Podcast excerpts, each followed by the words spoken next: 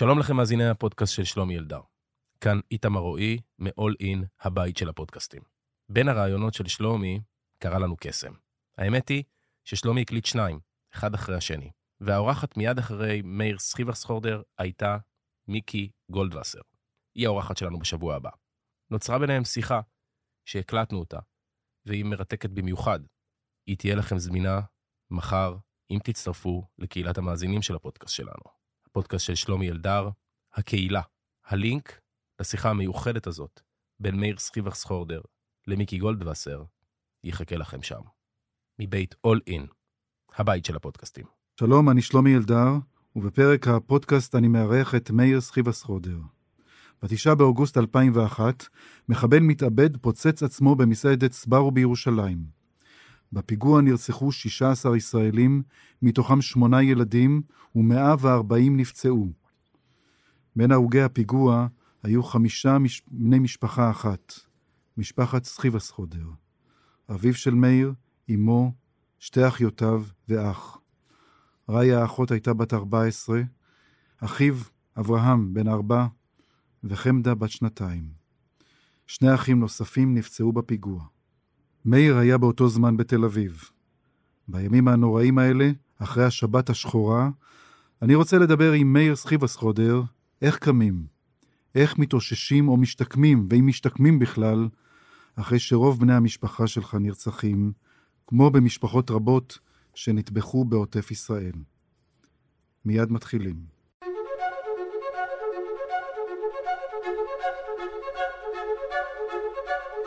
הפודקאסט של שלומי אלדר, מבית All In, הבית של הפודקאסטים. שלום מאיר, שלום וברכה. מה שלומך? לא פשוט בכלל בימים אלה. אה, לצערי, אה, מאותו בוקר ארור של אה, שבת, שמחת תורה, 7 באוקטובר, אנחנו כל יום מגיעים עוד ועוד סיפורים קורעי לב על משפח, משפחות שנטבחו, על משפחות שלא יודעים איפה הילדים שלהם, איפה ההורים שלהם. משפחות שיודעים שהקרובים שלהם כנראה נרצחו, אבל עוד לא מזהים את הגופות שלהם, וגם אולי לא יזהו אף פעם. ימים מאוד קשים אה, בעם ישראל. אה, אבל זה יותר מעם ישראל. אני בטוח שעם כל הכאב שכולה, של כולנו, ואין ישראלי אחד שעובר את הימים האלה באופן פשוט. אין ישראלי שלא בוכה לפעמים. אצלך אני מניח שזה יותר. זה מחזיר אותך לפיגוע הנורא ההוא. תראה, כמובן שבלילות אה, הכל חוזר, ובתקופות כאלה ביתר שאת.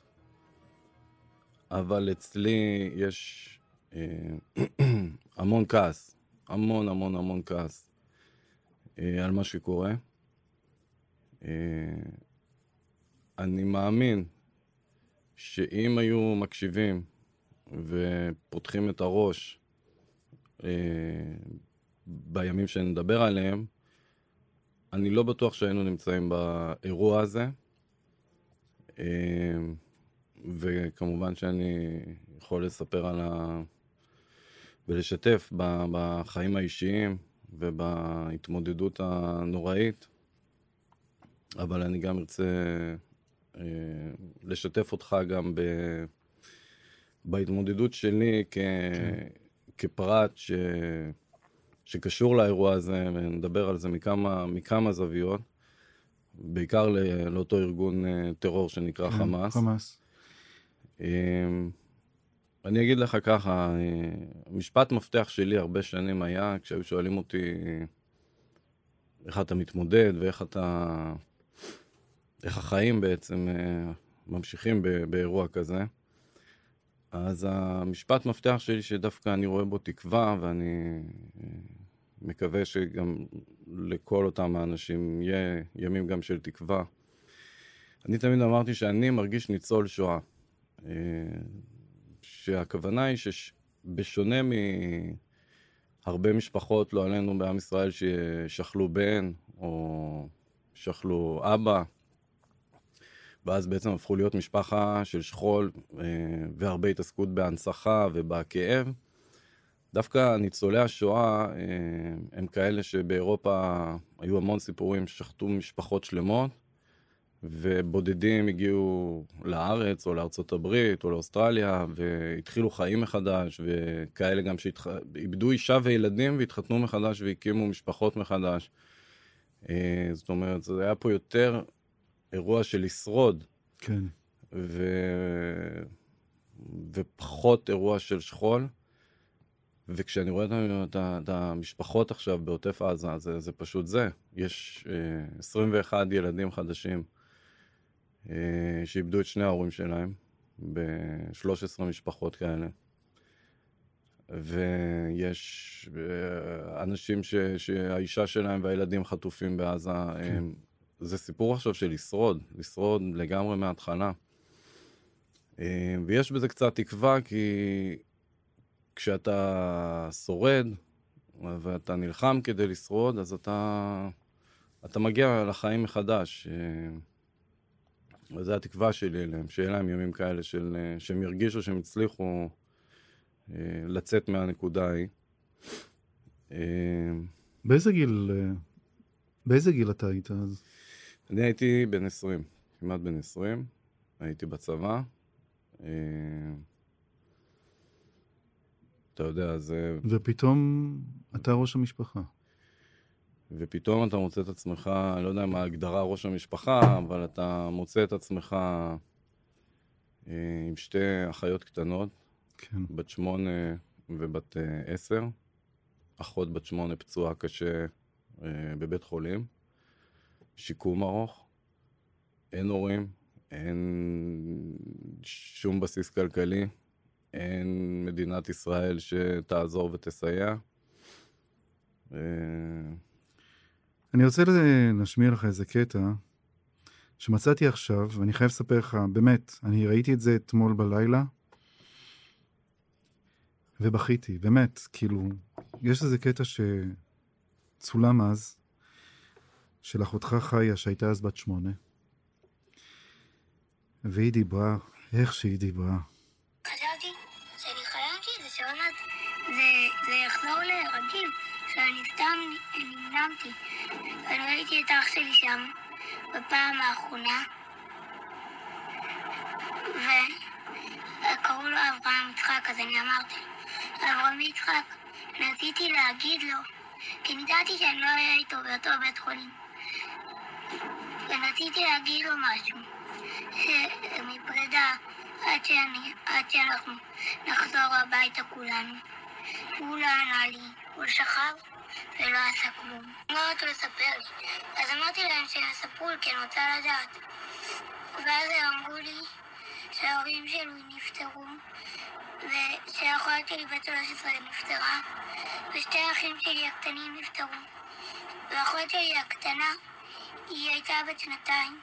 והיא הייתה ממש שובבה. מאז האסון חמישה ילדים יתומים מנסים לשקם את עצמם לבד.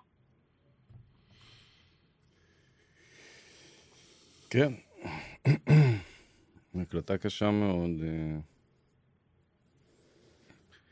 תראה, בוא, בוא אני אנסה אולי, כן, אה, אני אתחיל ככה.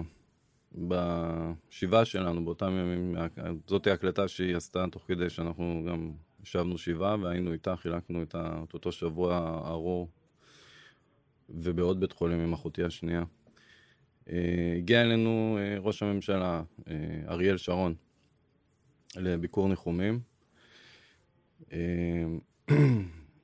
ואני לא יודע למה זה היה, אבל הוא הבטיח, ככה ישב איתנו, ואז הוא הבטיח לנו הבטחה שמדינת ישראל תעשה הכל כדי לתפוס את הרוצחים המתועבים. ואח שלי הקטן, אה, ככה בסוג של אינסטינקט, כי זה היה אז מאוד באוויר, היו, אה, מי, מי שזוכר, היו שלושה חיילי צה"ל שהסתבר שהם, אה, שהם, אה, שהם נהרגו, אבל הם היו, הגופות שלהם חטופות, זה היה בני אביטן וחייל דרוזי, ועוד, אני חושב, משפחת אברהם. נכון. אה, וככה היה באוויר, אה, זה לא היה בשום דבר קונקרטי, אבל היה באוויר שנסראללה, חיזבאללה רוצה תמורה בשביל לספק מידע, כי הם אפילו מידע לא נותנים למשפחות, זאת אומרת, כן. היה די ברור שכנראה הם נהרגו, אבל אה, אין לך את זה ביד, ואתה רוצה לקבל איזה פיסת מידע, ובפיסת מידע הזאת נסראללה סוחר. זאת הייתה הסיטואציה. נכון.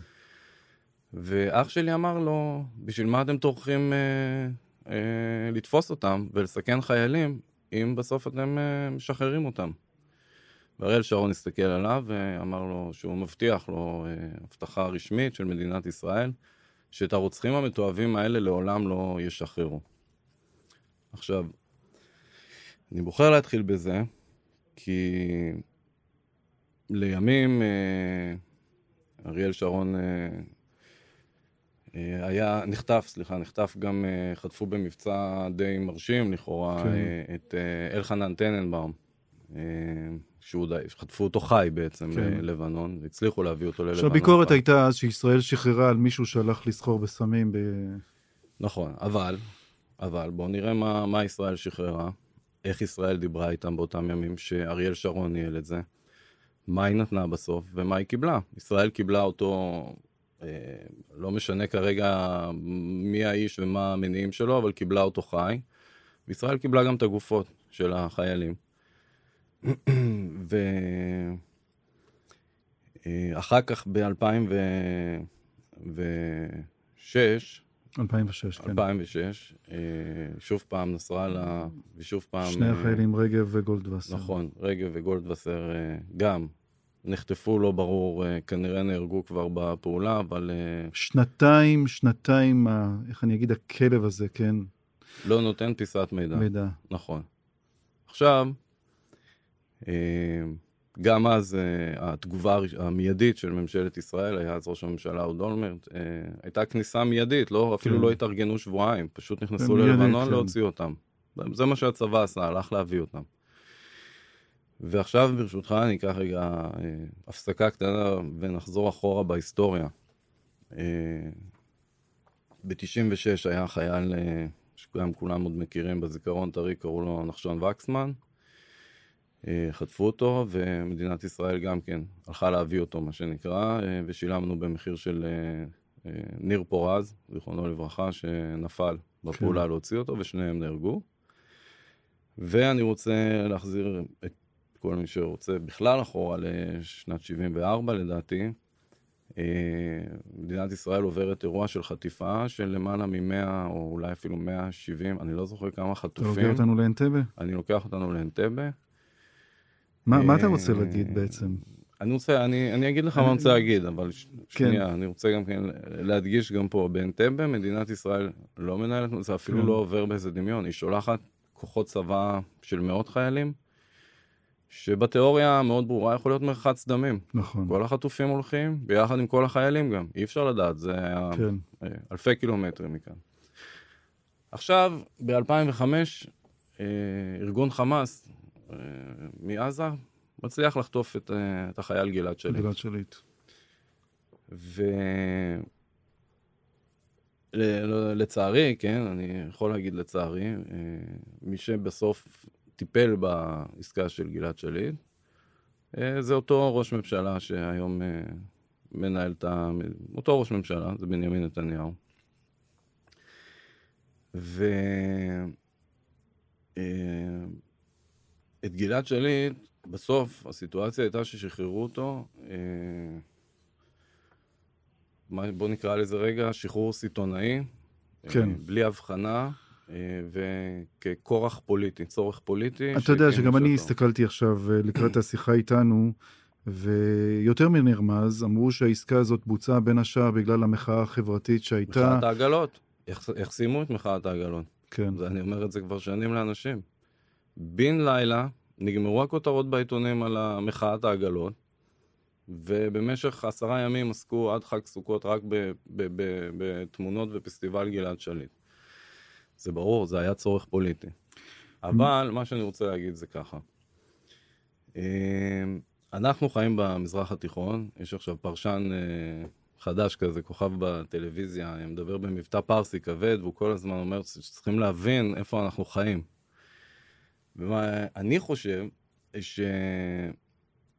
שחלק גדול מהעיוורון שלנו, ואני בכוונה רגע עוצר עכשיו, דיברנו קצת על כמה, הזכרנו כמה אירועי חטיפה שהיו פה במהלך השנים. חלק גדול מהמחוללים של הטרור, בעיניי לפחות, זה, אחד זה כסף, שגם עליו נדבר, זה תגמול וכסף שמחבלים מקבלים. כן. והדבר שהכי מעניין אותם, בעיניי לפחות, בשנים האחרונות, ופה אנחנו עיוורים, זה לא אדמות. הם רוצים את האסירים שלהם בחוץ. הם רוצים אותם ברמה הצהרתית, הם רוצים אותם ברמה עובדתית. הרשות הפלסטינית משלמת סדר גודל של חצי מהתקציב השנתי שלה משכורות לאותם רוצחים, בלי הבחנה אם זה כן. חמאס או פת"ח. והנושא הזה של האסירים ב, ב, אצל הפלסטינאים, so called, לצורך במיוחד הדיון, אצל יחיא סימם. אני, אני, אנחנו נגיע רגע לנקודה הזו, אבל לפני כן, מאיר, אני רוצה, אני רוצה, אתה יודע מה, בוא אני אספר את זה, אני אספר את זה אחרת. אנחנו הכרנו אה, לפני ארבע שנים, לפני הקורונה, כשרציתי לעשות עליך סרט. בעצם, יותר נכון, אתה הצעת לי שאני אעשה עליך סרט, ואני קפצתי על המציאה, והייתה לך הצעה. אני אספר או אתה תספר? בוא, אתה יכול לספר. ספר אתה, זה יישמע יותר טוב, אני חושב. הייתה לך הצעה. כן, רציתי שנגיע ל- לאותה אחלם תמימי. אחלם תמימי, רק אני אספר למאזינים, היא המחבלת שהסיעה את המחבל המתאבד למסעדת סברו. היא גם דחפה אותו פנימה, היא לא רק הסיעה אותו. כן. היא... בעצם הוא היה סוג של אה, כלי נשק, והיא הייתה זאת שלחצה על ההדק. והיא שוחררה בעסקת שליט, ולכן זה מתחבר לנו עכשיו, למה אתה מדבר על שחרור האסירים. אה, לא, תראה... היא דחפה אותו, אבל למה רצית לפגוש אותה? אה, זה שאלה, אני חושב, פחות לפודקאסט. אה, לא, זו שאלה מהותית. למה מישהו שבני המשפחה שלו נרצחו על ידי בני עוולה, רוצה ללכת לראות את האישה שדחפה את המחבל לפיגוע הנורא הזה? אה, אנחנו חי- חייבים לדבר על זה במצלמות, מה שנקרא. אז אולי עד שתחשוב על זה, אני אגיד לך למה זה לא יצא אל הפועל, כי ניסיתי להגיע אליה. ניסיתי והפעלתי קשרים, ויש אנשים, זו הייתה תקופה שעוד יכולתי לדבר עם אנשי חמאס, ודיברתי עם הירדנים, וכולם פחדו. אף אחד לא יכול להבטיח לי שאני אוכל להגיע אליה, והאמת, אני פחדתי לנסוע ככה לירדן איתך. פעם כמעט ביצעו בי לינץ' בירדן. אני יכול לספר לך, זה היה ב-2001, אה, איך שפרצה האינתיפאדה השנייה, ונסעתי, הייתי בערוץ הראשון, נסעתי לעשות איזושהי כתבה בירדן, ולא הבנתי שמשהו השתנה. והיה לי צוות ירדני, והלכנו למשרדים של חמאס שם באמ"ן. אני זוכר שעלינו במדרגות, ולא היה אף אחד, לא ראינו אף אחד, ראיתי את ה... אה, תמונות שם של חמאס אה, שהיו תלויות, ו... ויצאנו החוצה, וכבר באנו ללכת, פתאום תפסו אותי כמה ברנשים, תפסו אותי, הפילו אותי על הרצפה, והתחילו להכות אותי עם מקלות, וזהו, הייתי בטוח שזה הסוף. ואז היה לי מזל מאלוהים. פתאום נעצר איזה ג'יפ לבן, שהוא נראה כמו ג'יפ של המשטרה, אבל הוא לא היה ג'יפ של המשטרה, אבל הוא רק נראה כמו של המשטרה, וכולם ככה נעמדו, ואת השבריר שנייה הזה ברחתי. וניצלתי. רצתי כמו משוגע, לא יודע, לא ראיתי בעיניים שלי, בסוף הגעתי ו- וניצלתי. ולכן זה לא יצא, כי לא רציתי לקחת את הצ'אנס הזה. אבל עדיין זה מחזיר אותי לשאלה, למה מאיר סחיבס חודר רוצה לפגוש את אחלם תמימי? ואם היית פוגש אותה, מה היית אומר לה? תראה, בוא רגע נשאיר את זה אולי טיפה להמשך. אותה בסדר. באופן אישי. אז אם ככה אני רוצה... אה, מה כן. שאני כן רוצה להגיד לך, זה... אולי זה, זה טיפה סבלנות וזה מורכב, אבל... אה, ואין לנו הרבה זמן, אבל אה, אני חושב שזה חלק מאוד מאוד מהותי, אה, ואולי עוד לא מאוחר מדי, למרות שנראה לי שאנחנו בסיטואציה די דפוקה, מה שנקרא. אה, היות ובעצם אה, את אותם ארגונים אה, שמהווים את ההנהגה של הפלסטינאים, מעניינים האסירים, וזה מה שמעניין אותם. כן. אז אה, אני חושב שאם לא היינו פה אה, קצת משקרים לעצמנו כולם, ואולי זה עוד לא מאוחר, היינו יכולים לעשות סדר בנושא, כי זה מה שהם רוצים, וזה מה שיש לנו. אז אתה יודע, ב-2005, כן? נתנו להם אדמות כן. בעצם. נתנו להם את השליטה האזרחית בעזה. ב-92 נתנו להם את השליטה, התחלנו להעביר להם שליטה אזרחית ברמאללה, ביריחו. 95 זה התרחב לחברון, וג'נין, וטול כרם. ובעצם זה נכון שעדיין יש סוג של אה, דיבור באוויר על אדמות ועל כן. כיבוש. הם לא יוצאים למות בשביל עוד חמש דונם אה, מצפון ל, ל, לרמאללה, או חמש דונם מדרום לרמאללה. הם כבר היום כן. שולטים ומשיגים את, ה, את, ה, את, ה, את המטרות שלהם, בוא נגיד בהקשר הזה, לא, ב, לא בדרכים של טרור. כן. אה, אבל את האסירים, הם, הם הוציאו מאיתנו בטרור. אה, אחרי עסקת שליט, שאני יכול לספר לך עליה כמה שהיא הייתה מזעזעת בהקשר ש... אתה הפגנת. אתה... לא רק הפגנתי, אני הגשתי את אה, בג"ץ שליט. הגשת בג"ץ שליט, ואתה גם, אם אני לא טועה, הנפת דגל. לא, אני ביקשתי מנועם שליט אה, לשים דגל שחור על הבית שלו ביום שהוא קיבל את הבן שלו. אבל ש- גם שמת דגל נאצי.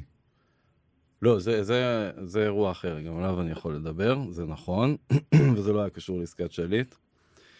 אה, תראה, אני עורך דין במקצוע, ואני הגשתי... רגע, בוא נדע, אנחנו נדבר רגע על העניין הזה של העורך דין. שנייה, אנחנו- זה- זה סיפור בפני עצמו. לא, אני רוצה לדבר רגע- על, על העסקה של שליט. אז בוא נשאיר רגע את זה, כי אני חושב שאני צריך לספר למה אתה עורך דין, אז בוא, בוא רגע ניקח טיפונת, אה, טיפונת אחורה, ו... ונבנה, איך לומר, נבנה, נבנה את זה. בתהליך ההתמודדות שלך, אתה מקבל החלטה שהיא נקבעת ברגע שאתה צריך לקבור את בני המשפחה שלך, נכון? אה, לאיזה החלטה אתה מתכוון? אתה בעצם מגלה שהמדינה לא עומדת לצדכם. ואתה מגיע לבית הקברות, ואתה רוצה לקבור את בני המשפחה שלך, כולם ביחד. ואתה מגלה פתאום את הבירוקרטיה, אתה מתמודד עם אובדן בני משפחה, שתי אחיות ואח, ואתה מגלה שאפילו לקבור אותם ביחד אתה לא יכול. כן, נכון, זה אה, לצערי הרב בשעה 12 ביום חמישי בלילה. אה, סיימנו לזהות את הגופות, מה שנקרא. זה לקח קצת זמן, כי אחותי הקטנה בת השנתיים, כל מה שנשאר ממנה היה שתי אצבעות, זה גם מה שקברנו. אה, כן, מטען כבד מאוד, פוצץ עליהם. זה גם בהקשר, דרך אגב, של, אה, של מה שעשו לנו בעוטף עזה. כן. זאת אומרת, אני מיד חשבתי על זה, אה, כן. זה מה שקברו מאחותי, שתי אצבעות. אבל, אתה יודע, אני אומר לעצמי היום, לנוכח מה שקורה שם, אולי אנחנו באיזשהו מקום אפילו קצת יותר טוב, אבל אה, 12 בלילה סיימו לזהות את הגופות, קיבלנו תשובה סופית על אותם שתי אצבעות, שזה ה-DNA של אחותי, הקטנה. אה, ואז אה, מגיע טלפון מחבר'ה קדישא, אה, עוד באותו לילה, אני חושב בסביבות שתיים לפנות בוקר, אה, הלכתי מהבית חולים ביקור חולים, איפה שאחותי הקטנה הייתה מאושפזת, למשרדים של החברה קדישא, שזה ממש שתי דקות הליכה כזה, זה הכל באותו אזור ב- בירושלים. ויושב מולי אה, איש כזה גדול, אני, אתה יודע, אני זוכר את זה בתמונות כאלה, בפלשבקים, יושב איש גדול כזה. ואתה כולה אה, בן 20. זקן, ואתה כולה בן 20, וכולה... מתחיל דיבור, כן, אני, אני, אני אשתף אותך טיפה, כאילו, אם עושים את ההלוויה אה, כמו מנהג ירושלים, שזה אומר לקבור עוד באותו לילה, או לחכות לבוקר. וככה, מיד אחרי שזיהינו את הגופות, מתחילים כל מיני נשמות טובות מסביבך לתת לך עצות, לעשות את ההלוויה ככה או לעשות את ההלוויה אחרת. ופתאום התקשר אליי אה, הרב לאו, שהיה אה, רב ראשי, שהוא גם היה חבר טוב של אה, סבא שלי. והוא אומר לי, מאיר, אני, הגיעו אליי שמועות שמדברים איך לעשות את ההלוויה, אני אומר לך, אתם תקברו את המשפחה בבוקר, לאור יום, ולא בלילה, ולא כמו גנבים, וברוב העם, ו... וכולי. מסיים איתו את השיחה, מגיע אה, החבר'ה קדישא. אוקיי, אני הולך לחבר'ה קדישא. אה, ויושב מולי אותו יהודי, פותח לי מפות ככה של הבית קברות, ואומר לי, אני אסדר לכם, אה, כאילו זה, זה עכשיו, ממש כאילו הרגשתי כאילו אני נכנס לאיזה אה, דירה לדוגמה במשרדים של קבלן, כאילו לבחור את הדירה ואת וואו, הקטנות. איזה תיאור. והוא פותח לי את המפות, והוא אומר לי, תראה, אנחנו נסדר למשפחה אה, קבורה יפה, וכבר עכשיו אני מציע לך אה, שנסמן עוד כמה אחים נשארתם, חמישה, נסמן עוד חמישה קברים צמודים לחלקה, כל קבר נוכל לתת לך בעשרת אלפים שקל, אני גם זוכר טוב טוב את המספר הזה. היום אני יודע שזאת הייתה יכולה להיות השקעה טובה, כן? כי היום זה שווה יותר כבר בהר המנוחות. אבל... אה, ואז הוא אה, מתחיל לסמן איקסים על המפה. ככה עוד לא, עוד לא ידעתי אפילו איך לעכל את מה שהוא מציע לי, לקנות מזעזע. דברים לי מזעזע. ולאחים שלי שבחיים. אבל מה שכן, אני רואה שהוא מסמן ארבע. אז אה, אני אומר לו, תשמע, אנחנו צריכים חמישה קברים. שני ההורים שלי, שתי האחיות שלי, ואח, חמישה. אז הוא אומר לי, כן, תראה, אנחנו אה, רוצים לקבור את אה, אחותך הקטנה עם אחיך הקטן, הם קטנים. גם ככה לא נשאר הרבה מאחותך הקטנה, נעשה מצבה מחולקת באמצע, זה יפה, זה מכבד, נהיה צפוף בבתי קברות ועוד כמה משפטים. ובאינסטינקט, אה, באינסטינקט שלי, ה- ה- לא יודע מה, אני אומר לו, אתה יודע מה, יש לי רעיון. אני רוצה לקנות ממך קבר. לא, הוא, לא, הוא, הוא, הוא חזר להיות סוכן מכירות. הוא אומר לי, כן, זה... אני אומר לו, כן, סמן לי צמוד קבר. אה, הוא רוצה אה, תשלום על הקבר. אני שולח מישהו, אה, זה היה בן דוד שלי או משהו, אמרתי לו, "ב- ב- בתיק שלי, איפשהו בב- בבית חולים, אז עוד היו פנקסי צ'קים, כאילו, לא שהייתי רושם, אבל היה לי פנקס צ'קים. ואני מביא לו צ'ק של עשרת אלפים שקל. באותו מעמד, בשתיים לפנות בוקר, אנחנו על הקברים של ההורים שלי, הוא לוקח את הצ'ק ממני, ואז אה, אני אומר לו, אחרי שהוא לקח את הצ'ק, את הקבר שסימנת, שם תקבור את אחותי הקטנה. הכל יהיה בסדר, חמישה קברים. והוא לקח את הצ'ק. למחרת בבוקר, ממש תוך כדי התארגנות אה, לצאת להלוויה מה, מהבית חולים, ישנתי בלילה כמובן עם אחותי, מישהו מהחבר'ה קדישא החזיר לי את הצ'ק, הם כנראה הבינו שזה קצת כן. היה יותר מדי. והסיטואציה היא ש, ש, ש, שלימים אני יודע, כן, למדתי המון מאותו לילה, שמדינת ישראל בכלל משלמת על הקברים האלה, זאת אומרת, אבל לא עשרת אלפים, אולי זה היה שבעת אלפים ומשהו. זאת אומרת, זה לא שהוא... שמישהו סחט אותך וניסה לסחוט אותך במעמד הזה? כן, במעמד הזה. מה לא יאומן. מה זה לסחור? לעשות לא- עסק, הכל עס- רגיל, לא עסקים יאומן, כרגיל. לא יאומן, לא יאומן. כן. אז זו הייתה ההתמודדות הראשונה שלי עם, ה- עם, עם רשויות המדינה, כן, בסופו ואז של יום. בגלל ההתמודדות, התמודדויות שלך עם רשויות המדינה, ואז אתה גם מגיע לב, לביטוח לאומי, שתכף תספר לנו, אתה מחליט ללכת ללמוד משפטים. לא, האמת שמשפטים, אה, אה, נרשמתי עוד עם אבא שלי, זיכרונו לברכה, אה, התחילה תוכנית אז ב... ב... קראו לזה אז אה, דרבי, מנצ'סטר, משהו כזה בקריית אונו. ואבא שלי שאל אותי אולי נירשם ביחד, זו הייתה תוכנית כזאת של פעם בשבוע, פעם בשבועיים, הייתי בצבא, אבל אה, חשבנו לשלב את זה. אה, לא חשבתי שאני אעסוק במקצוע הזה, זה כן. אה, אבל למשפטים נרשמתי עוד עם אבא שלי, וזה היה בעצם אוקיי. סוג של משהו אה, שהיה חשוב לי, בגלל שזה ממש עשיתי את זה איתו, אה, ללכת ולעשות את זה. אה, ההתמודדות היא, זה לא... זה לא יודע אם הייתי עורך דין, כי בסופו של יום זה, זה, זה כל ההתמודדות שעברנו, עריכת דין אולי חלק מה, כן. מהסיפור, אבל בשבעה הגיעו אלינו uh, נציגים, ביחד באו, uh, uh, נציגים של משרד הרווחה, נציג של ביטוח לאומי, הגיעו לשבעה, לקחו אותי ככה הצידה לדבר, משתתפים בצערך. והמשפט של הנציגת ביטוח לאומי הייתה, היה שהיא נורא מצטערת, אבל בשבילנו אין חוק. זאת אומרת, אנחנו לא זכאים ל, ל, לתמיכה כלכלית בעצם, רגע נפרק את המילה הזאת. תסביר לי למה. כי החוק אה, בעצם היה ככה, יש אלמן או אלמנה, ויש לאלמן או לאלמנה, ילדים, יתומים. זאת אומרת, התמיכה הסוציאלית עוברת דרך האלמן או דרך האלמנה. ואם אין אלמן ואין אלמנה, אז אין... יש רק יתומים. אז יש רק יתומים, אבל הם לא, הם לא ברי קצבה באותם ימים. שמע, אני שומע את הסיפורים האלה, אני פשוט לא מאמין. באמת, אתה יודע. שמע, ה- ה- ה- הסיפור הוא שלימים, כן, הראשון שקיבל קצבה ממדינת ישראל כתוצאה מחוק ש- שהעברנו אחרי כמה שנים טובות, היה אה, מוישי אולצברגר, שההורים שלו נרצחו במומביי, בהודו. כן, בהודו.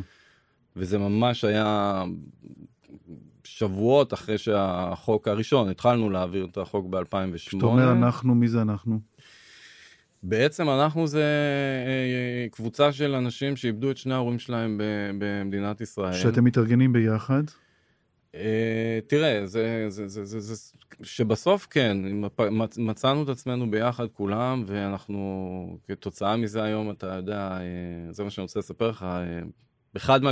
בוא נתחיל אחרת. זה, הכל התחיל בזה שיום אחד מתקשרים אליי מהלשכה של אה, דליה איציק, היא הייתה יושב ראש הכנסת, ומבקשים ממני להגיע לאיזשהו אה, טקס עם הנשיא סרקוזי ואשתו, קרלה ברוני, בכנסת.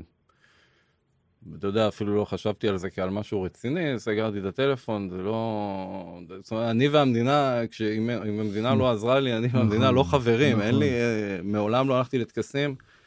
אני שנים גם לא הייתי הולך ביום הזיכרון לקבר של ההורים שלי, זאת אומרת, יום הזיכרון בשבילי היה יום זיכרון לכולם, אבל אתה יודע, אותנו אתם שוכחים על בסיס יומי, אז uh, כל כך לא אהבתי את המדינה.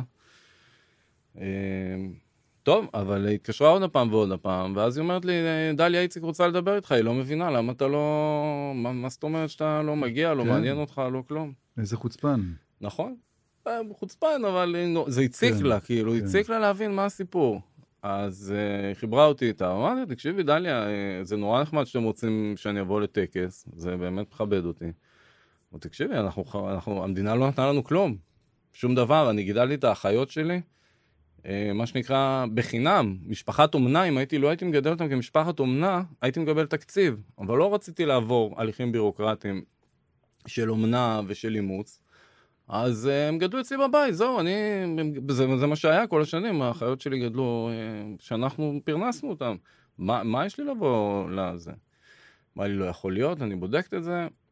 חזרה אליי אחרי כמה דקות, אמרה לי, תשמע, אני מבקשת שתבוא לטקס, ואני מבטיחה לך שמהטקס אנחנו הולכים אליי ללשכה ומתחילים לעבוד על לשנות המצב הזה. אני לא יודעת להגיד לך מה יצא מזה, אבל...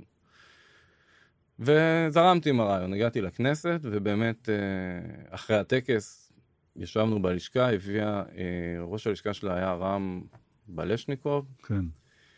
והתחילו לגבש, אה, אמנם בהתחלה יצא חוק מאוד מאוד, אה, זאת אומרת, המדינה נתנה פיצוי עד גיל ומפה 18, התקדמתם, אבל כן. מפה זה מפה התקדם. התקדמתם. ואז לימים הגענו לסיטואציה ב-2011, אה, היה טקס ביום הזיכרון בהר הרצל, והאחיות שלי ביקשו ממני, תבוא, לא יודע מה קרה, אחותי בדיוק אז עשתה צבא, קטנה, הגיעה לצבא. כן, אז- אני- אני אני חייב לעצור אותך רגע פה. אוקיי. אנחנו מדברים הרבה על פרוצדורות. ואני רוצה רגע לדבר עליך. אתה אומר, אני גידלתי אותם. אתה בן 20, יש לך עכשיו מטלה, ואתה מגדל ילדים. איך, איפה ההתמודדות האישית שלך? איך, איך אתה מתמודד בכלל עם הכאב כשאתה עסוק כל הזמן בפרוצדורות האלה שעליהן דיברנו כל הזמן? אני לא מתמודד עם הכאב, אני אמרתי לך בהתחלה, אני באותם ימים ניצול שואה אה, על אוטומט, שורד, אה, עולם מאוד ציני, הרבה הומור שחור. מה זה הומור שחור? הומור שחור, אה, אתה יודע. כמגננה. כן, כן. כן, איך זה מתבטא? סליחה שאני חופר קצת. אה, איך זה מתבטא?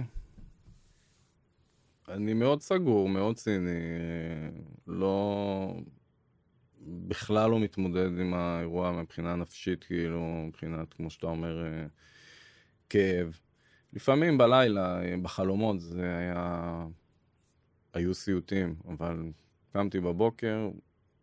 כי יש לך אחריות? כי, כי יש לך מלחמה, תשמע, אתה צריך לשרוד כלכלית, אתה צריך לשרוד שיקומית, סיפורים...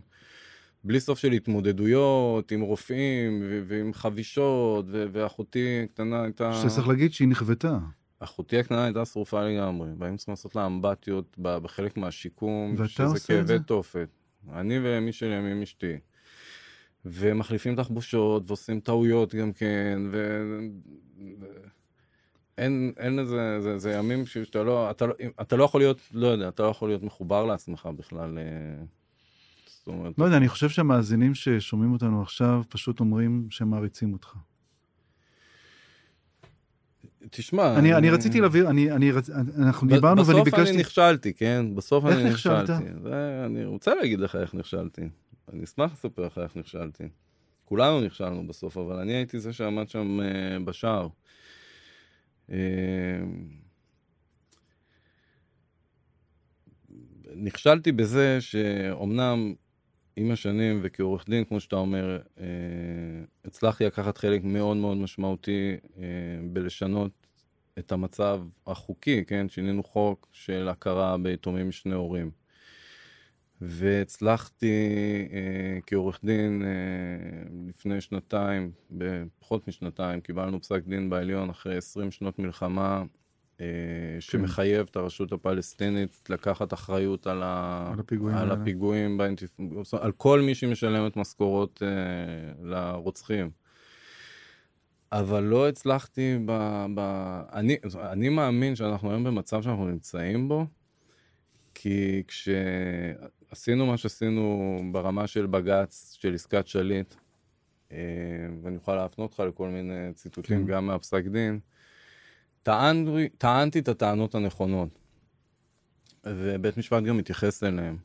ולא רק שבית משפט התייחס אליהם, גם אה, אה, המדינה כחלק מה, מה, מה, מהחשיבה, לא, אני אומר המדינה, אבל זה יכול להיות גם דמויות פוליטיות כמו ראש ממשלה או שר ביטחון, או לא יודע מי שרצה לנהל את האינטרסים, הקימו ועדה שנקראת ועדת שמגר.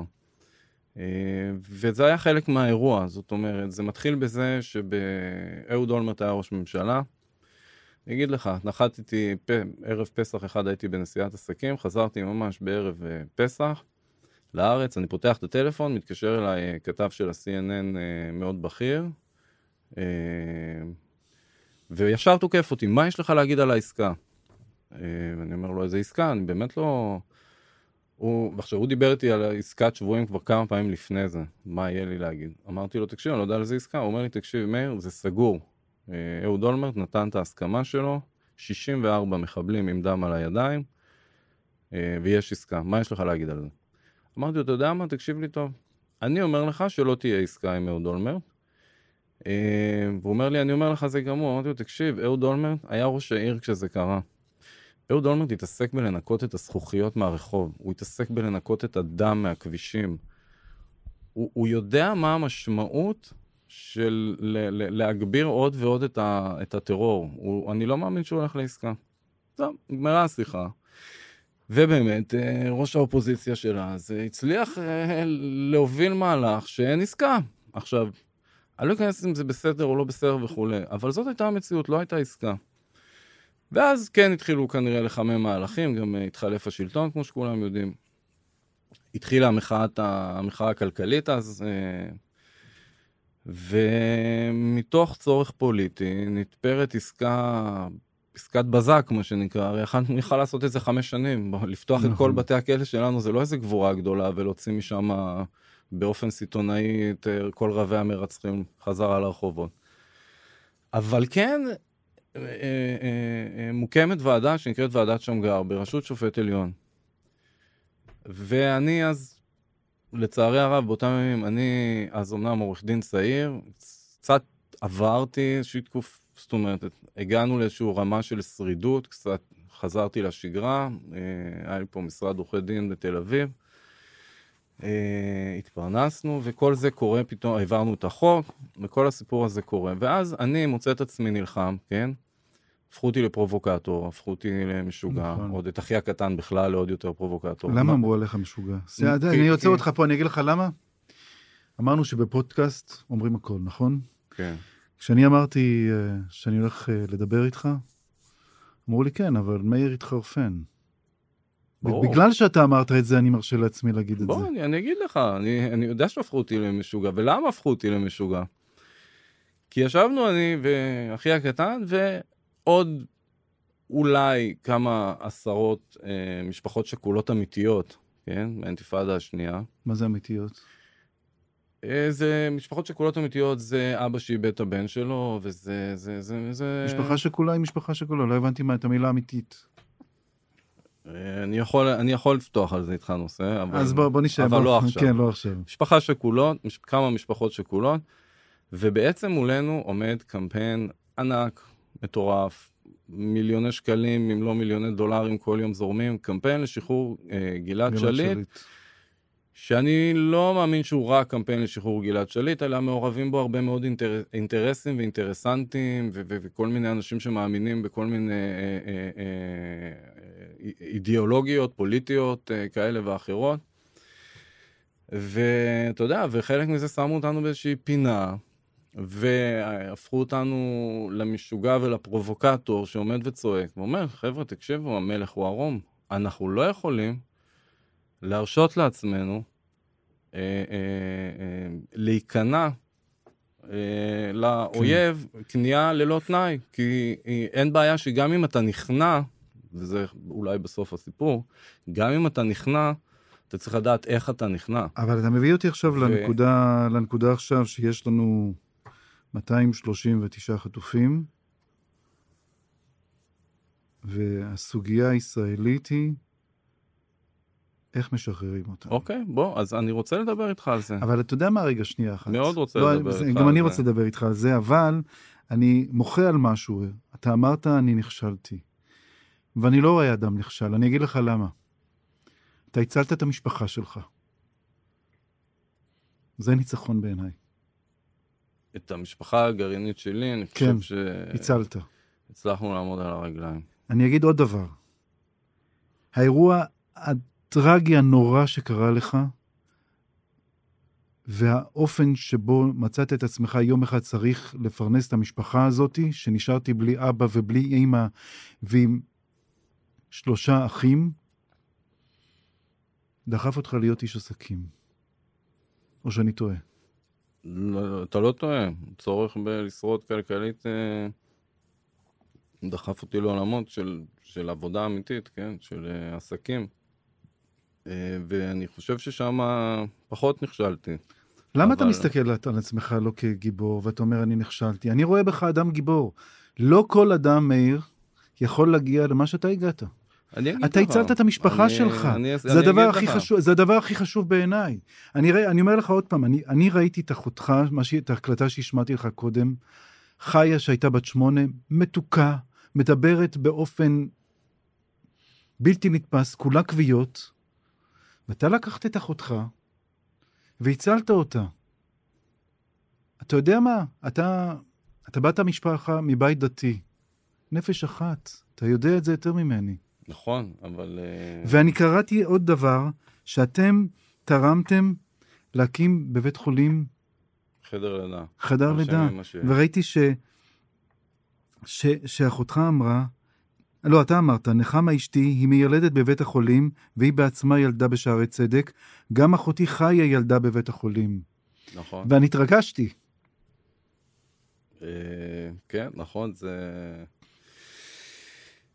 תשמע, גם בהקשרים של ההנצחה, אה, וזה, וזה, וזה אולי אני רואה פה משהו טוב, כי, כי זה אומר שהגעתי לאיזה מקום ב, ב, ב, במסלול שלי, ב, במה שעברתי מאז הפיגוע, שאני מתעסק בהנצחה כבר. בעיניי זה שלב טוב, זה אומר שקצת את הלשרוד קצת עברנו, ועכשיו אתה ממקום אחר.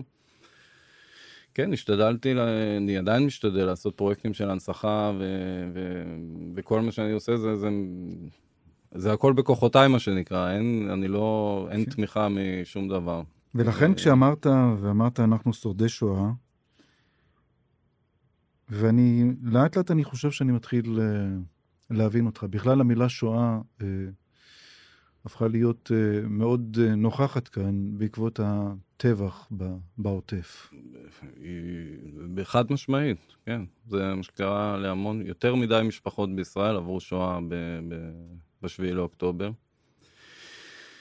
ואני רוצה להגיד לך שאתה, בעיניי, דוגמה ו- ואמרתי לך, אחת הסיבות שרציתי שניפגש פה ונדבר, שאתה, שיראו אותך משפחות שאיבדו משפחה.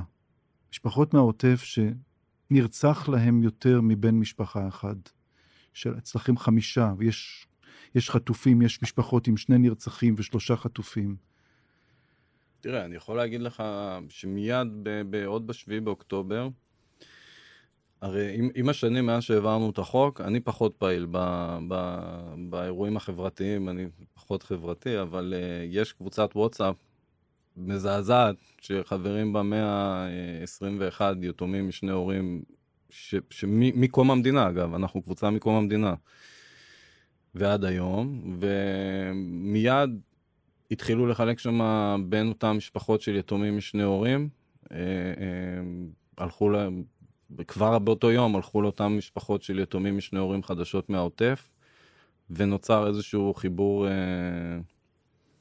אנחנו חולקים את אותו גורל, ו- ו- ו- ולצערי, יודעים על הבשר שלנו כל כך הרבה איך להתמודד. ו... הלכת למשפחה כזאת? אני לא מסוגל, אחים שלי הלכו, אחיות שלי הלכו. חיה הלכה? חיה הלכה ולאה הלכה. אה... בת כמה חיה היום? הם נושא? ו... היום היא בת 30. יש לה ילדים? יש לה שני ילדים חמודים. אמ, והיא הלכה למשפחות? היא הלכה למשפחות, כן. היא הלכה למשפחות. עמד לה הכוח. אה, ראיתי את הנחישות שלה כשהייתה בת שמונה. היא משהו מאוד מיוחד, כן. מאוד מאוד מיוחדת. אמ, ברשותך, אני כן אחזור רגע על העניין שאני רוצה לדבר עליו. לא, אני רוצה שתדבר קודם על המפגש שלו. אתה רוצה לדבר על החיים הקשים והמזעזעים שעברתי. וניצחת. ו... ואתה לא לוקח לעצמך את הקרדיט הזה של הניצחון, שזה מה שמדהים אותי. כי תשמע, כי זה לא ניצחון. אה, אתה יודע מה? זה ניצחון, בסדר? זה ניצחון. אני, אני חושב שמהנקודת פתיחה שלי להיום, זה ניצחון. כן. אבל אני לקחתי על עצמי אה, אתה יודע, להגיע למצב שבתקשורת באותם ימים יצרו לי דימוי של אה, משוגע, כן. שעד היום הוא חי. כן, אמרתי לך, כשאני אמרתי, סיפרתי לך, אני כן. נכנסתי לזה בעיניים פקוחות, בהבנה, זאת אומרת, היו אנשים ש... שלא רצו, לקחו צעד אחורה, הבינו שאתה נשרף, שורפים אותך שם כשאתה בחזית של המאבק הזה. ו... אמ, ואיפה, ולא הפסדתי בעסקת שליט. תקשיב, עסקת שליט באה אליי בהפתעה. היא באה לכולנו בהפתעה. לא, אבל אני הייתי, אני חייתי את זה גם נכון. בשלוש שנים שלפני זה. עיתונאים מה-CNN, אה, אה, כל מיני פגישות, כל מיני דיבורים מסביב לעסקה. תחשוב שמי שרצח את המשפחה שלי, כן? בוא תדמיין קורבן אונס. ואני אומר לך שאני עברתי משהו יותר גרוע מאונס. תדמיין קורבן אונס, שאחרי שנתיים, כן? כי זה לא קרה מיד, לא תפסו את התוקף מיד. תופסים את הקורבן שלו, את, ה, את, ה, את האנס, מכניסים אותו לכלא, ושנתיים אחרי שהאנס שלו נכנס לכלא, מתחילים להטריד אותו כל כמה ימים, איזה כתב מפה, איזה מישהו, מה, מה יש לך להגיד על זה שהולכים לשחרר את האנס שלך? ואתה חוזר ואתה חי את זה ואתה מתעסק עם זה. אז אני, גם כשגלעד שליט יושב בכלא, המעיים שלי בלילות ובימים ושל המשפחה שלי לא, לא שקטים עכשיו, כי אנחנו, אמנם יש הרבה מאוד אה, נפגעי טרור, ואתה יודע, אנחנו אחד מהסיפורים היותר קשים, אז כזה כל הזמן נכון. התנקז אלינו הדיבור של לשחרר את האסירים. אז אז, אני- אה, אז אה, אני אתה לא- חייתי אתה את חיית זה. את זה, ו- חייתי את זה, נכון. ואז הכריח אותי גם להבין את הסיטואציה הזאת יותר טוב לעומק. שבגלעד שליט, אחלם תמימי, משוחררת מהכלא, ויש את התמונה המאוד מפורסמת, שאותו ח'אלד משעל, אתה יודע, פודקאסט, אני לא רוצה לקלל, כן? אני רק רואה אותו מביא לי את העצבים, והוא ניגש ומנשק לה את היד. ומחזיר אותי עוד פעם, אתה רצית, רצית לפגוש אותה. תראה, יש ראיון שהיא נתנה בערוץ 10 בזמנו, שהיה היה לי קשה להבין איך מראיינים אותם, זה לא רק היא, אבל ראיינו בתוך הכלא אותה ועוד כמה רוצחות. זה- זה- זה- אתה יכול לראות אחר כך בגוגל, ביוטיוב, והמראיין, היא מחייכת, והמראיין שואל אותה, את יודעת כמה ילדים אה, הרגת בסבארו? אני אגיד לך למה ילדים, כי אחר כך גם הייתה לה תוכנית לילדים בטלוויזיה הירדנית, כן? אז עם החיוך היא אומרת לו שלוש. אז הוא אומר לה, לא, נר- נרצחו שם שמונה ילדים. אז החיוך גודל לה, והיא אומרת לו, אה, יותר טוב. חשבתי רק שלוש ילדים נרצחו. זאת אומרת, אין, לא היה לה בכלל בעיה עם זה שילדים נרצחים שם, Mhm. לא על הדרך ולא ליד ולא כלום. ילדים קטנים. ואת היד שלה אותו ח'אלד משעל ו- נשק, ואני לא יכול שלא לשאול אותך. אז רגע, אז אני רוצה לספר לך. כן, בבקשה. קח אותך לימים האלה של עסקת שליט, אה, ניתן לך משהו מאחורי הקלעים, מה שנקרא, שני דברים. סיפור אחד, אה, שניהם קשורים לאמי פלמור. אמי פלמור הייתה אז ראש מחלקת חנינות במשרד המשפטים. היא Mhm. קודמה רק בגלל העסקה הזאת להיות מנכ"ל משרד המשפטים, כל הקריירה שלה השתנתה בגלל שהיא לקחה על עצמה את העסקה. ובאחד השיחות שלי איתה מאחורי הקלעים, ממש מסביב ל- לעסקה, אה, ואני אגיד לך מה, אני באתי אליה ואמרתי לה, תראי, אנחנו, משפ... ב- בפיגוע שלי, יש כמה מעורבים. התחילו ממש לדבר בין את מי משחררים. התחיל... מהמם. באתי לבקש ממנה שלא תשחרר את כולם, שלא תשחרר, ש... שלא תשחרר אף אחד, תשחרר רק אחד. רגע, אז אני חושב פה צריך להסביר, שיש עוד מישהו שקשור לפיגוע. יש את המסייע, הנהג, מסייע נהג. כן, גם שהוא- אותו שחררו. גם אותו שחררו, נדמה לי שהוא עכשיו בג'נין, נכון? אתה יודע את השם, מכיר את השם שלו, אני אפילו הוא לא עכשיו זוכר. בירדן, אה, הוא בירדן. כן. הוא היה עכשיו- בג'נין תקופה מסוימת. לא, המתאבד היה מג'נין. אה, אוקיי. ואתה יודע, אבל ההורים שלו היה שם חנות פיצה. אמ, אמ, אוקיי, אז אני באחד הזכות, אז היא אומרת לי, למשל, היא אומרת לי, אתה יודע שאם גלעד שליט היה אתיופי זה לא היה, זאת אומרת, בטון של, היה לנו קצת ויכוח על זה מסביב. היא אמרה לי זה במילותיה שלה. אתה יודע שאם גלעד שליט היה... אה, לא, זה אחרת. היא מספרת לי שהיא חזרה מ- מאיזשהי בית ספר עם ילדים, איזשהו מפגש עם ילדים, וילד שם הצביע ואמר לה אה, שאם גלעד שליט היה אתיופי לא היו משחררים אותו, והיא אמרה, ו, ואז התחילה לבכות, ובאותו שיחה שאני מבקש ממנה על חיי לא לשחרר את כולם, היא התחילה לבכות ואומרת לי זה נכון. זאת אומרת, אם גלעד שליט היה אתיופי לא היו משחררים אותו. סתם אנקדוטה. ומאותה שיחה אני מבין שאין סדר. זאת אומרת, למה למשל את הרוצח של אה, אה, רחבעם זאבי השר לא משחררים, ולמה את המחבל המפורסם ממלון פארק לא משחררים, ואת הרוצח הזה כן משחררים, אין דין, אין דיין, פשוט סיטונאי שמות, ומי שהצליח להכניס שם קצת יותר מקורבים לא שחררו. ואז בעצם הבג"ץ שלי בגלעד שליט היה, תשמע, אה, אני הקטן מגיע לעולם הגדול, אה, מבין שאני פה צריך להילחם משפטית, אז אני צריך לחפש נימוקים משפטיים עכשיו, זה לא נימוקים ביטחוניים ולא שום דבר, משפטית. אה, הטענה שלי הייתה שאין קריטריונים. לא יכול להיות שאין קריטריונים, כאילו, את מי אתם, למה אתם משחררים אותו ולא אותו? מי בחר שם? מי החליט את מה משחררים? ו... ו... ו... ו...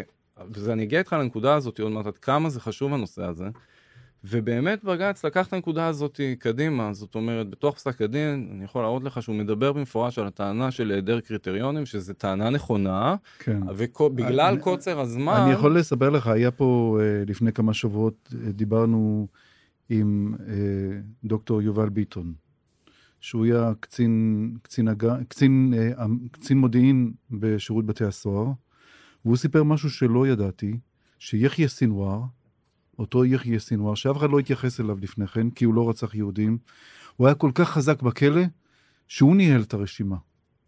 ולכן עכשיו כשאתה מספר לי את זה, זה קצת אה, מסתדר לי. אוקיי, זה מאוד יכול להיות שהם הכת- הם הכתיבו את הרשימה. אני גם הכתיבו את חושב הרשימה. שהם הכתיבו. הייתה. התעקשות לא לשחרר את אברהים ברגותי, שהוא... אה, אה, מרואן- מרואן ברגותי. מרואן ברגותי. לא, לא, לא מרואן ברגותי, אברהים ברגותי. מרואן ברגותי בכלל לא קשור לסיפור הזה. אה, זה אברהים עבדאללה, ברגותי, עבדאללה, עבדאלה, אתה רואה שגם. אני כבר בלבל. עבדאללה ברגותי עבדאללה זה המהנדס, הסמל שלהם. נכון, לא אותו לא- לא שחררו, נכון. והיו עוד אה, אה, חסן סלאם, חסן אה, ו- זאבי, כן, של השר זאבי, כן. גם אותם לא רצו וחסן לשחרר. סלאמה, שהוא מפיגועי 96, אה, קו 18. זה היה טאבו, למרות שיחיא סינואר דרש את השחרור שלהם, וכשהוא השתחרר הוא אמר, לא אשקוט ולא אנוח עד שלא אשתחרר אשחרר את השניים רבה. האלה. זאת הנקודה אז הנה אני עוזר לך. להגיע. עכשיו, זה שאנחנו יודעים היום שעסקת שליט הייתה עסקה שהביאה לנו את מה שהביאה לנו עכשיו, אין על זה ויכוח. לא, אז, אז תקשיב רגע להתפתחות. קורית עסקת שליט, בג"ץ מבין שיש בעיה עם הקריטריונים, ובמקביל הייתה ועדה שמגר, ועדת שמגר, שעליה אני רוצה לדבר עכשיו, סוף סוף הגענו אליה, כן. ולמה אני רוצה לדבר עליה. ראש הממשלה של אז, בנימין נתניהו, אה, אה, מבין את הסיטואציה, מבין את הלחצים, והוא בעצם זה שממנה, לא באופן ישיר, ממנים את ועדת שמגר. והדליפו לי את הפרטים של ועדת שמגר, לא, אני אגיע לזה, לא אני קראתי את המסקנות עד היום, לא אתה קראת כנראה, ולא אף אחד, לא פרסמו אותם. אבל אני מבין בין השורות, זה מה שמדליפים לי, שוועדת שמגר קובעת מפורש, שלא משחררים מחבלים חיים תמורת אה, אה, חייל. ומתחיל מאבק, מיני מאבק מאחורי הקלעים, בינינו למשפחת שליט, על הפרסום של המסקנות של ועדת אה, שמגר, ובסוף לא- החליטו, זאת תהיה החלטת קבינט, שעסקת שליט לא תהיה תחת ועדת שמגר, כן. כי לא יעשו תוך כדי תנועה אה, שינוי משחק, אבל מיד אחרי העסקה זה, זה מה שהולך להיות. ומאז, מאז, אתה יודע, הנושא נשכח. מה עם ישראל שחר, גלעד שליט חזר, המחבלים השתחררו. התחזיות השחורות שלנו על הטרור שיהיה... נמשו הרבה יותר ממה שאני שיערתי, אני חייב להודות. לא, אבל לא מיד, זאת אומרת, לא הרגשת לא, את לא זה מיד, מיד, נכון, אנחנו לא הרגשתי זיכרון מיד. קצר. אני חייב לספר לך משהו. ואז אני פונה לבג"ץ ומבקש, פונה למשרד הביטחון, אני לא עזבתי את זה, פה, פה, פה אני רוצה להגיד לך לאן נכשלתי, אני לא עזבתי את זה שלוש שנים, ניסיתי להגיע למסקנות של ועדת שמגר, שיפרסמו אותם, שיעשו החלטות ממשלה כמו שצריך בעניין שמגר. כי אני חושב שאם היה מישהו היום בא ל, ל, ל, לאותם, אה, אה, לאותם חמאס, אתה יודע, אנחנו קופצים עד לסוף, אבל אה, כן. כן. כי הדרך עוד הייתה מזעזעת, כן. כי לא רק שלא פרסמו את ועדת שמגר, נתניהו משחרר בשלוש פעימות מחבלים לאש"ף בשביל כלום ושום דבר, ובפעימה הרביעית בנט איכשהו הצליח בהתפתלות. נכון. לעצור את זה. ויש כל כך לחץ כן לשחרר, אז הולכים ומשנים, זה כבר, הסמכות עוברת לקבינט הממשלתי לשחרר מחבלים. אני חייב לספר לך משהו. אה, אני דיברתי עם גלעד שליט לאחרונה. ניסיתי לדבר איתו, ניסיתי שהוא יבוא וישב בכיסא שאתה יושב. והוא לא רוצה, מהסיבה הפשוטה שהוא מבין שיש כעס גדול עליו במדינה. אבל הוא לא אשם. לא, לא, הוא לא אשם, אני לא כועס עליו בכלל. אתה יודע, אני, אני ואבא שלו, את גלעד שליט, לא הכרתי. אבל את נועם שליט, כל הסיפור הזה של המאבק מסביב, הכרנו באופן אישי והיה לנו, העברנו זמן ביחד. באמת? כאילו, כן, למרות שהאינטרסים וגם- שלכם כן. היו מנוגדים לחלוטין. כן, היה פעם שבאתי לאוהל מחאה שלו והיו פעילים שניסו להרביץ לי. ממש להרביץ לי, כאילו פעילים של... אה, ש... והוא בגופו, מה שנקרא, אה, עצר אותם ו... היה לנו שיחות, היה פעם ששאלתי אותו, אתה יכול להסתכל לי בעיניים ולהגיד לי שאתה לא יודע מה המצב של גלעד שליט, היה פעם שחשבתי, ואני עדיין לא משוכנע שלא אפילו העבירו מאחורי הקלעים אותו לראות אותו, או סימן יותר שלא פורסם. לא, לא, לא, לא זה אה, היה, אבל אני יכול לספר, אתה יודע מה, אם כבר פתחת את זה, הנה אני אספר לך. הנה אני אעשה משהו לא כל כך אה, קולגיאלי. אה, כולם ידעו שהוא מוחזק אה, בתנאים טובים. גם יובל ביטון שישב כאן לפני כמה שבועות, אמר, אני ידעתי בדיוק שיש לו אוכל ויש לו משחקי מחשב ויש לו ספרים ויש... ושומרים עליו טוב, אבל הסתירו את זה. זה, זה, זה מה ש... הסתירו את זה. ואתה יודע, ו- ואני יכול להגיד לך שנועם שליט נתן יד לספר שערורייתי שהוציא כתב שהיה אז בערוץ 2, סלימן השאפי. וכל הספר שיצא בהוצאת ידיעות אחרונות היה שקר אחד גדול. הוא כתב משהו שבלילה גלעד שליט צועק אמא, אמא, אמא, ומענים אותו והכל. ונועם שליט, שאני שאלתי אותו, מה, אתה יודע? וזה היה נוח לו. אז על אז- זה דיברתי. כן. אבל, אבל, בוא שנייה, עוד הפעם נשים את העסקה כעסקה בצד. תקשיב. לא, אני רוצה להגיע איתך. יש מסקנות של ועדת שמגר, אוקיי?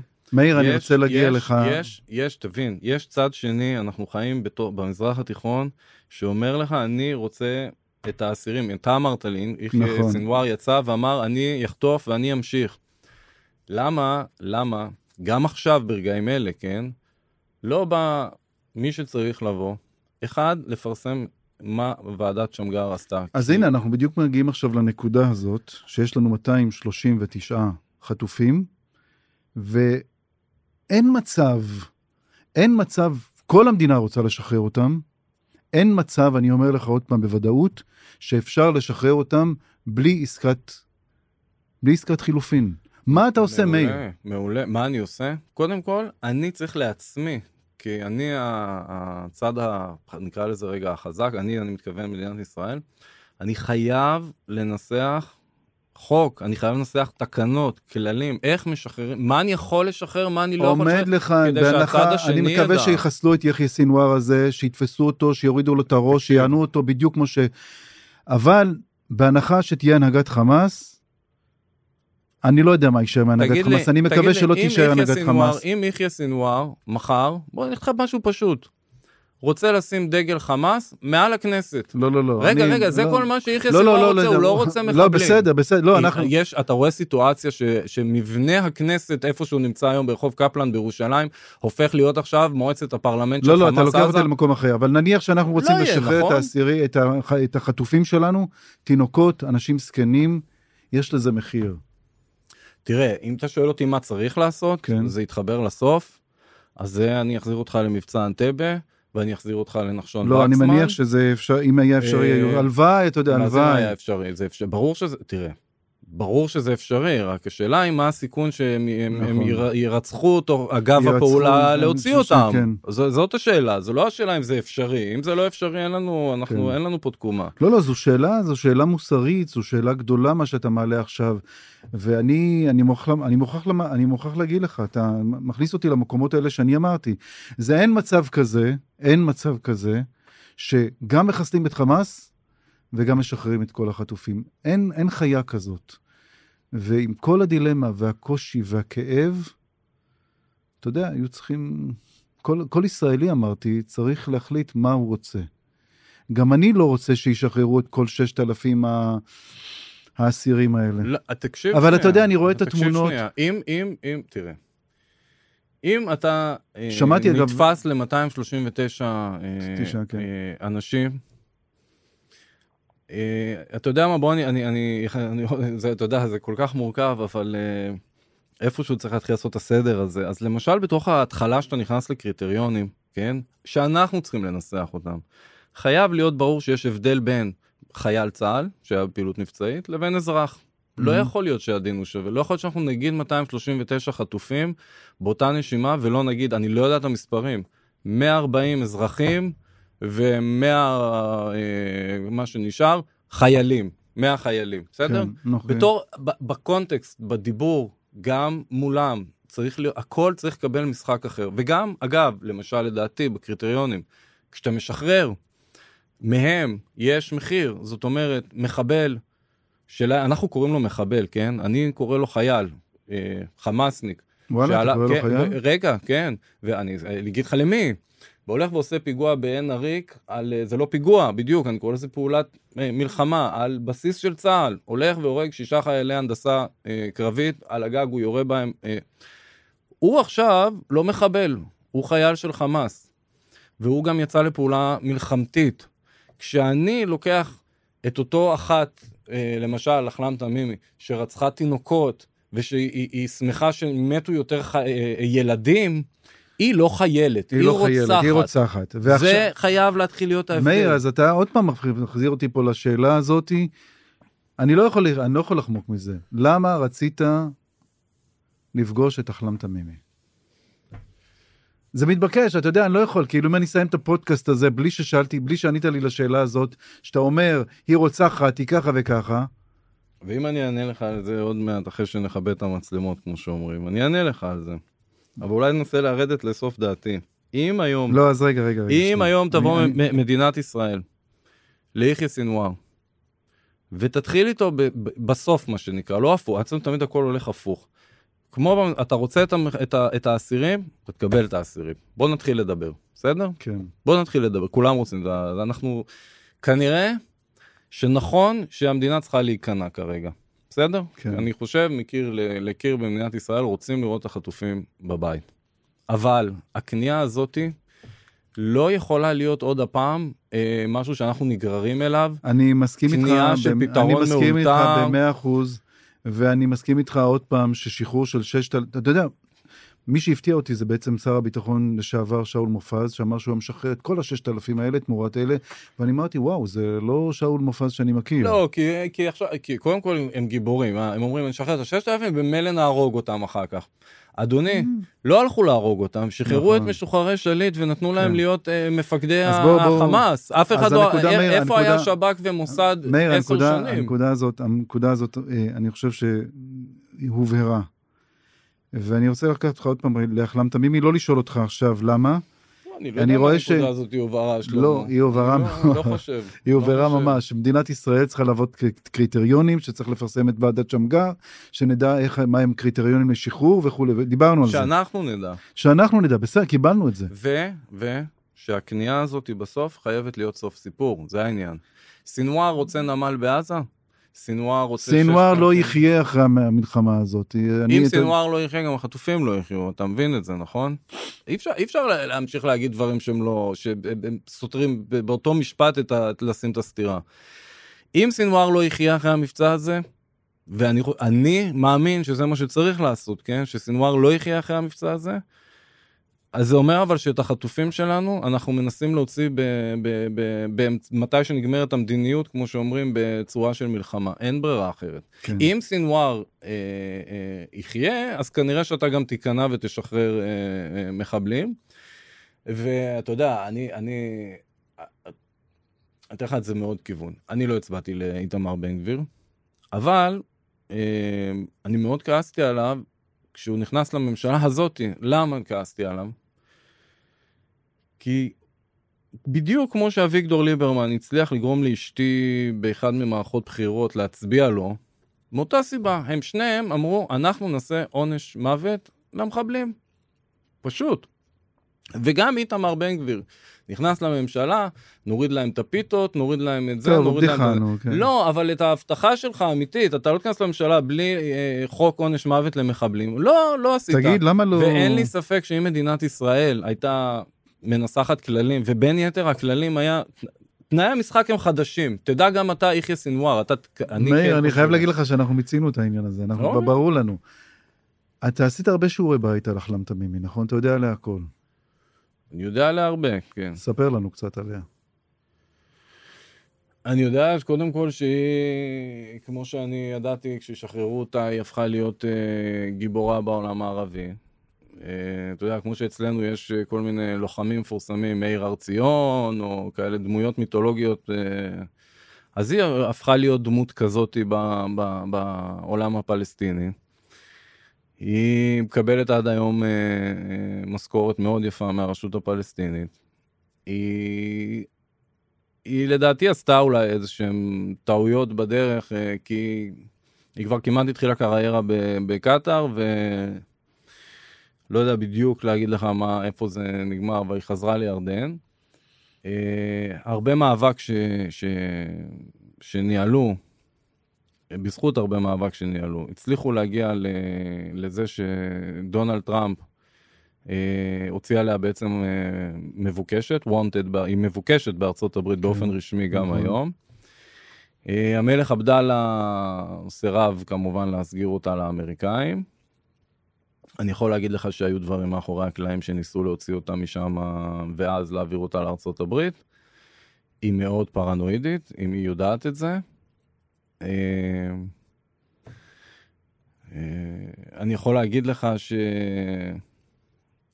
הבטיחו שהיא לא תתחתן, והיא נשואה למישהו שהוא היה בכלא והוא גם שוחרר. אגב, בשליט. הוא אה, היה עם דם על הידיים, הוא רצח מישהו ליד אה, בית אל בשנות ה-90.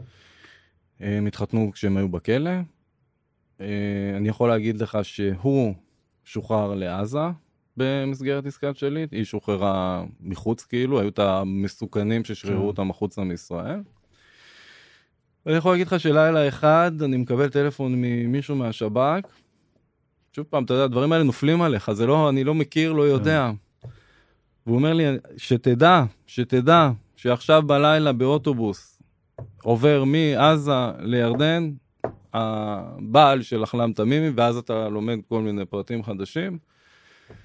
והלב, אה, הלב שלי, כאילו, אתה יודע, מסתבר שהיא, הלכה ב- ב- ב- באיזשהו- באיזה עזות מצח, היא הגיעה לשגרירות ישראל לשים איזושהי בקשה, ומשם התחיל תהליך, ונתנו להם איחוד משפחות, נתנו לו לצאת מעזה ל... ל, ל בחסות אנחנו, זאת אומרת, אנחנו הובלנו אותו באוטובוס, אחרי שכמובן שהבטיחו שהם לא מתחתנים בכלא, לא יודע מי שהבטיח את זה בתחילת השנים, אבל גם את זה הבטיחו. אמ, ופה פה הכישלון שלי, הכישלון, זאת אומרת, במקום שיצליחו להציב את הסוגיה הזאת על המדף, אתה יודע, שמאל, ימין, הערבים כרגע נלחמים בשביל האסירים, ולנו יש את האסירים.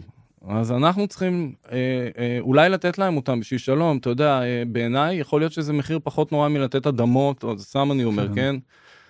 אבל מה, אתה, אתה, אתה הולך לעשות עסקה כזאת ואתה לא יודע בכלל איך אתה עושה אותה, כאילו, אתה פותח את המחסן ונותן את הכל, איך יכול להיות שיעשו עסקת שבויים והיא לא תביא לסוף, ל, לפחות ל, ל, ל, לקץ של מרחץ הדמים הזה ל-20 שנה הבאות, לפחות 20 שנה. אתה יודע, קח 6,000 מחבלים, קח 500, סתם, זורק לך, אתה יודע, משא ומתן במזרח התיכון, קח 500 עכשיו, תשחרר לי את האזרחים ואת התינוקות. תן לי כל מיני ערבויות לשקט, תן לי כל מיני דברים, תפרז את הרצועה, תקבל עוד אלף, יעברו עוד, תקבל עוד, את כולם אתה תקבל, אתה יכול להציג גם לעם שלך שכולם יהיו בחוץ, עד מאיר, האחרון. תספר לנו קצת על ה... יש לך חמישה ילדים, נכון? כן. תספר לנו קצת עליך. הבן שלי הגדול מתגייס אה, בעוד שבועיים וחצי, הקדימו לו גיוס, הוא וואו, הולך להיות אה, חייל קרבי. זה מאוד מרגש אותי. מרגש או מפחיד? מרגש, אה, כי אני כל כך טעון ולא טעון, וכל החיים שלי מסביב ל, ל, למדינה שיש פה. אז זה, בסוף זה מרגש, אני חושב שזה מאוד מרגש. אה, אני אחרי עסקת שליט, אה, עזוב רגע, לא, לא, הסתכלת, אני כן. מספר לך על הילדים כן, שלי. כן, אוקיי. אה, כל כך כעסתי שרציתי לעזוב את הארץ.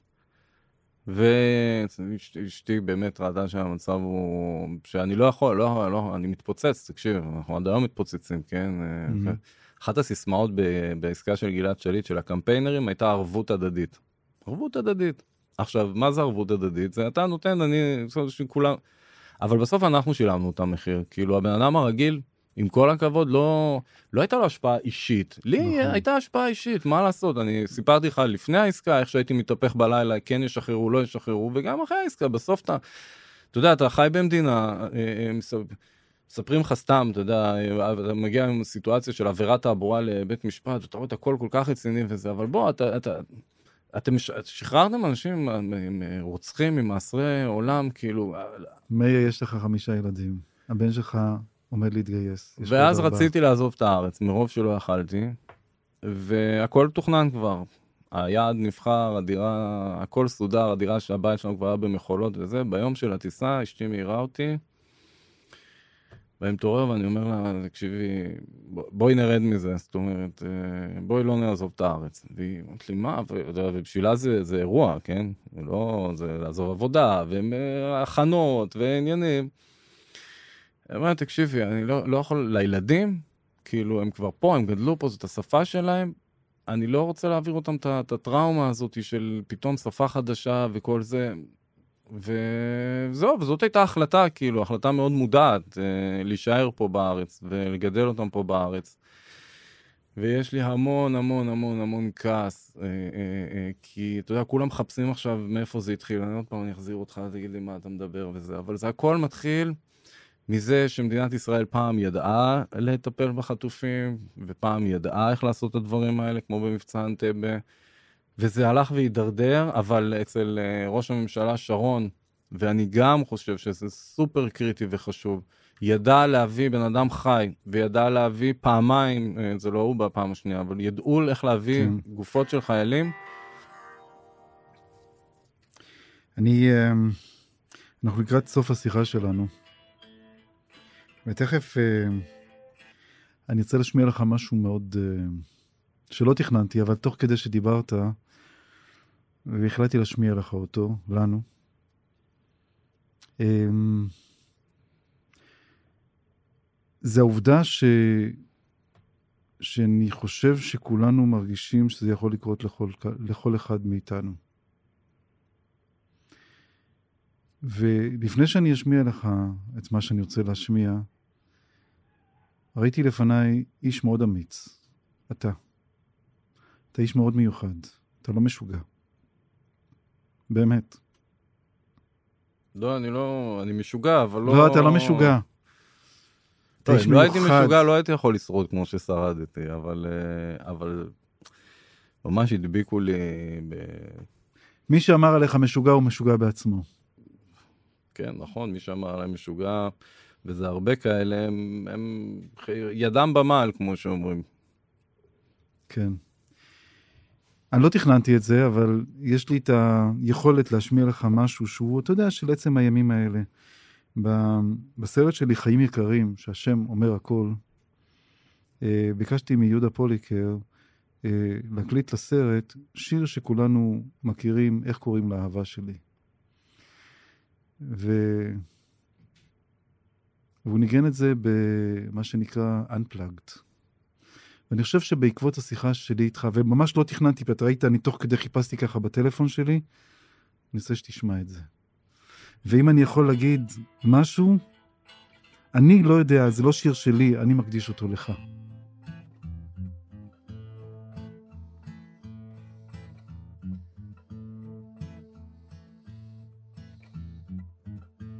וזה עולם יפה ממש, וזה מזרח תיכון חדש.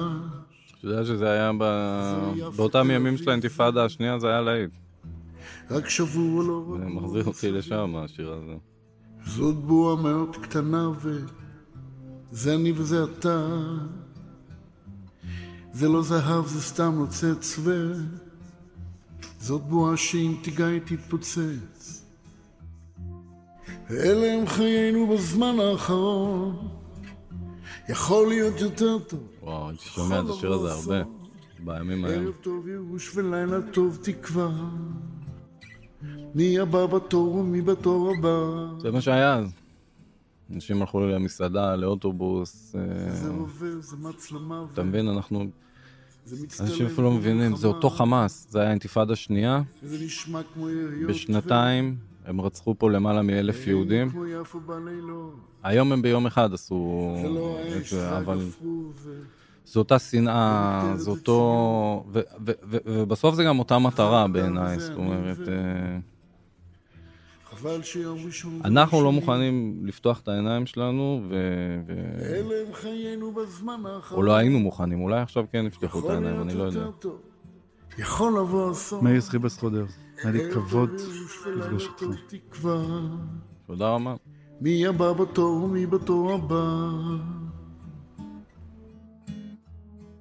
אם סופה היא שיר של רוח, איזו מנגינה יש לה תקווה, איך קוראים לאהבה שלי, לאהבה שלך.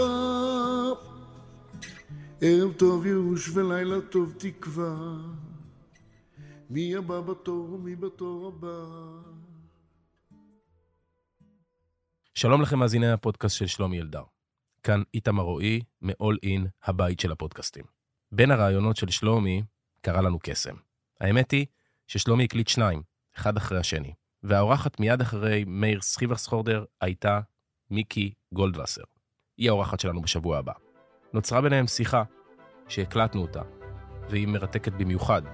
היא תהיה לכם זמינה מחר, אם תצטרפו לקהילת המאזינים של הפודקאסט שלנו. פודקאסט של שלומי אלדר, הקהילה. הלינק לשיחה המיוחדת הזאת בין מאיר סחיבך סחורדר למיקי גולדווסר יחכה לכם שם. מבית All In, הבית של הפודקאסטים.